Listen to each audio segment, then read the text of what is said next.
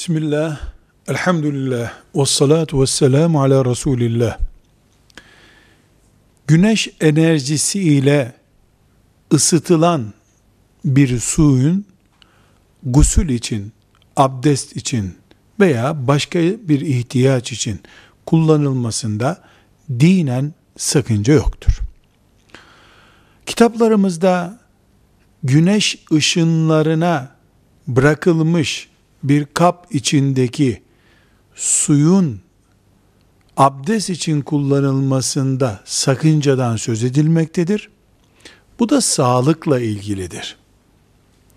Sağlık açısından güneş ışınlarında kalıp ısınmış bir su kap içerisinde ise sağlığa zarar verebilir diye bir endişe olmuş ve bundan dolayı abdest de gusülde kullanılmasın denmiştir.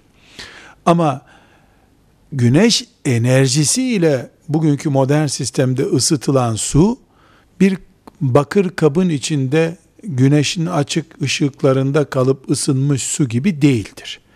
Banyoda ve gusülde kullanılmasında bir sakınca yoktur. Velhamdülillahi Rabbil Alemin.